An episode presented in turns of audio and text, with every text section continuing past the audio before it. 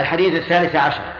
عن أبي حمزة أنس بن مالك رضي الله عنه خادم رسول الله صلى الله عليه وعلى آله وسلم عن النبي صلى الله عليه وعلى آله وسلم قال لا يؤمن أحدكم حتى يحب لأخيه ما يحب لنفسه. رواه البخاري ومسلم. قوله لا يؤمن أحدكم أي لا يتم إيمان أحدنا. فالنفي هنا نفي للكمال والتمام وليس نفيا لأصل الإيمان. فإن قال قائل ما دليلكم على هذا التأويل الذي فيه صرف الكلام عن ظاهره قلنا دليلنا على, على هذا أن ذلك العمل لا يخرج به الإنسان من الإيمان أي لا يعتبر مرتدا وإنما هو من باب النصيحة. فيكون النفي هنا نفيا لكمال الإيمان. فإن قال قائل ألستم تنكرون على أهل التأويل؟ تأويلهم؟ فالجواب نحن لا ننكر على أهل التأويل تأويلهم إنما ننكر على أهل التأويل تأويلهم الذي لا دليل عليه. لأنه إذا إذا كان كذلك صار تحريفا وليس تأويلا. أما التأويل الذي دل عليه الدليل فإنه يعتبر من تفسير الكلام. كما قال النبي صلى الله عليه وعلى آله وسلم في عبد الله بن عباس اللهم فقهه في الدين وعلمه التأويل. فإذا قال قائل في قول الله تعالى فإذا قرأت القرآن فاستعذ بالله من الشيطان الرجيم. إذا قال المراد إذا أردت قراءة القرآن. فهل يعتبر هذا تأويلا مذموما أو تأويلا صحيحا؟ الثاني هذا تأويل صحيح لأنه دل عليه الدليل إذ أن النبي صلى الله عليه وعلى آله وسلم كان يتعوذ عند القراءة لا في آخر القراءة. وإذا قال قائل في قوله تعالى يا أيها الذين آمنوا إذا قمتم إلى الصلاة فاغسلوا وجوهكم. إن المراد إذا أردتم القيام إليه. فهل يعتبر هذا تأويلا مذموما أو صحيحا؟ هذا هذا تأويل صحيح. إذا نحن لا ننكر التأويل مطلقا. إنما ننكر التأويل الذي لا دليل عليه. ونسميه تحريفا. لا يؤمن أحدهم الإيمان الإيمان في اللغة التصديق. وقيل الإيمان في اللغة الإقرار. واستدل القائل بذلك أنه يقال آمن به وأقر به. ويقال آمن ولا يقال آمنه بمعنى صدقه. فلما لم يتوافق الفعلان في التعدي واللزوم علم أنهما ليس بمعنى واحد. فالإيمان في اللغة حقيقة إقرار القلب بما يرد عليه وليس التصديق. صحيح أنه قد يرد الإيمان بمعنى التصديق بقرينة مثل قوله تعالى فآمن له لوط على أحد القولين مع أنه يمكن أن يقال آمن له لوط أي انقاد له أي لإبراهيم وصدق دعوته. أما في الشرع فالإيمان هو الإقرار المستلزم للقبول والإذعان الإقرار المستلزم للقبول والإذعان فإن أقر بدون قبول وإذعان فليس بمؤمن ولو أقر. وعلى هذا فاليهود والنصارى اليوم ليسوا بمؤمنين. لماذا؟ لأنهم لم يقبلوا دين الإسلام ولم يذعنوا. أبو طالب كان مقرا بنبوة النبي صلى الله عليه وعلى آله وسلم. ويعلن بذلك. ويقول لقد علموا أن ابننا لا مكذب لدينا ولا يعنى بقول الأباطل. ويقول ولقد علمت بأن دين محمد من خير أديان البرية دينا. لولا الملامة أو حذار مسبة لرأيتني سمحا بذاك مبينا. هذا إقرار واضح.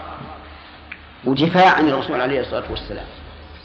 ومع ذلك ليس بمؤمن. لماذا؟ لفقد القبول والانقياد. ما قبل الدعوة ولا انقاد لها فمات على الكفر والعياذ بالله. طيب إذا الإيمان شرعا هو الإقرار المستلزم للقبول والإذعان. ومحله القلب واللسان والجوارح. الإيمان يكون بالقلب ويكون باللسان ويكون بالجوارح. أي أن قول اللسان يسمى إيمانا وعمل الجوارح يسمى إيمانا. الدليل قول الله عز وجل وما كان الله ليضيع إيمانكم قال المفسرون إيمانكم أي صلاتكم إلى بيت المقدس وقال النبي صلى الله عليه وعلى آله وسلم الإيمان بضع وسبعون شعبة.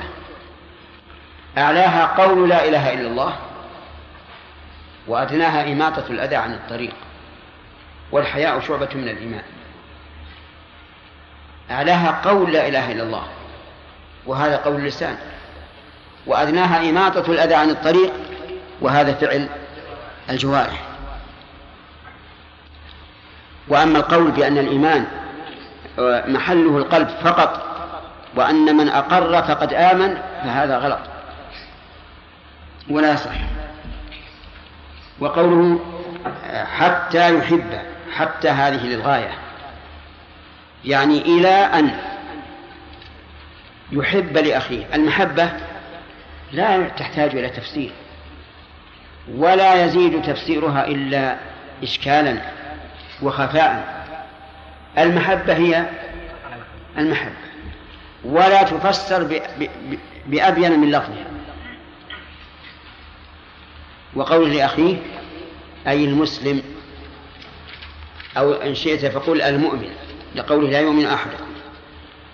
لأخيه أي المؤمن ما يحب لنفسه من خير ودفع الشر ودفاع عن العرض وغير ذلك. وفي الحديث الصحيح عن النبي صلى الله عليه وعلى آله وسلم أنه قال من أحب أن يزحزح عن النار ويدخل الجنة فلتأته منيته وهو يؤمن بالله واليوم الآخر. وليأتي إلى الناس ما يحب أن يؤتى إليه. الشاهد هنا. وليأتي إلى الناس ما يحب أن يؤتى إليه. في هذا الحديث فوائد. منها جواز نفي الشيء لانتفاء كماله. لقوله لا يؤمن أحدكم حتى يحب لأخيه ومثله قوله صلى الله عليه وعلى آله وسلم لا يؤمن من لا من لا يأمن جاره بوائقه. ومن ومن الأمثلة على نفي الشيء لانتفاء كماله قول النبي صلى الله عليه وعلى آله وسلم لا صلاة بحضرة الطعام أي لا صلاة كاملة لأن هذا المصلي سوف يشتغل قلبه بالطعام الذي حضر. والأمثلة على هذا كثيرة.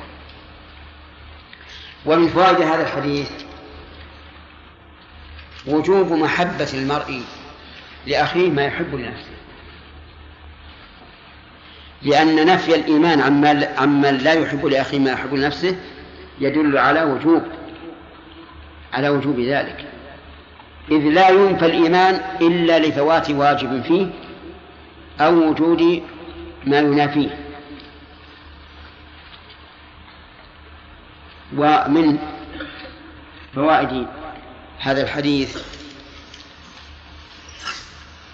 التحذير من الحسد. التحذير من الحسد. لأن الحاسد لا يحب لأخيه ما يحب لنفسه بل يحب أن يزيل الله نعمة أخيه عنه. وقد اختلف أهل العلم في تفسير الحسد فقال بعضهم الحسد تمني زوال نعمة الغير. تمني زوال نعمة الغير. وقال بعضهم الحسد كراهة ما أنعم الله به على الغير. الحسد كراهة ما أنعم الله به على الغير. وهذا اختيار شيخ الإسلام ابن تيمية رحمه الله. يقول إذا كره ما أنعم الله به على غيره فقد حسد. وإن لم يتمنى الزوال. ومن فوائد هذا الحديث أنه ينبغي صياغة الكلام بما يحمل على العمل به. فهو من الفصاحة.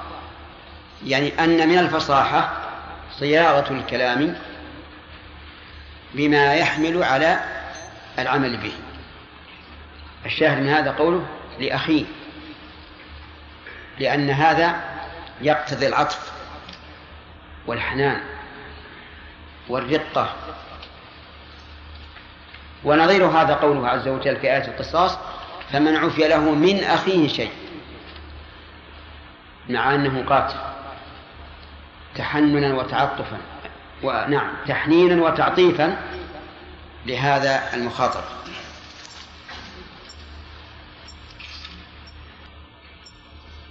فإن قال قائل هذه المسألة قد تكون صعبة. أن تحب لأخيك ما تحب لنفسك. بمعنى أن تحب لأخيك أن يكون عالما أن يكون غنيا أن يكون ذا مال وبنين أن يكون مستقيما. قد يصعب هذا. فنقول هذا لا يصعب إذا مرنت نفسك عليه. مرن نفسك على هذا يسهل عليك. أما أن تطيع نفسك في هواها فنعم سيكون هذا صعبا.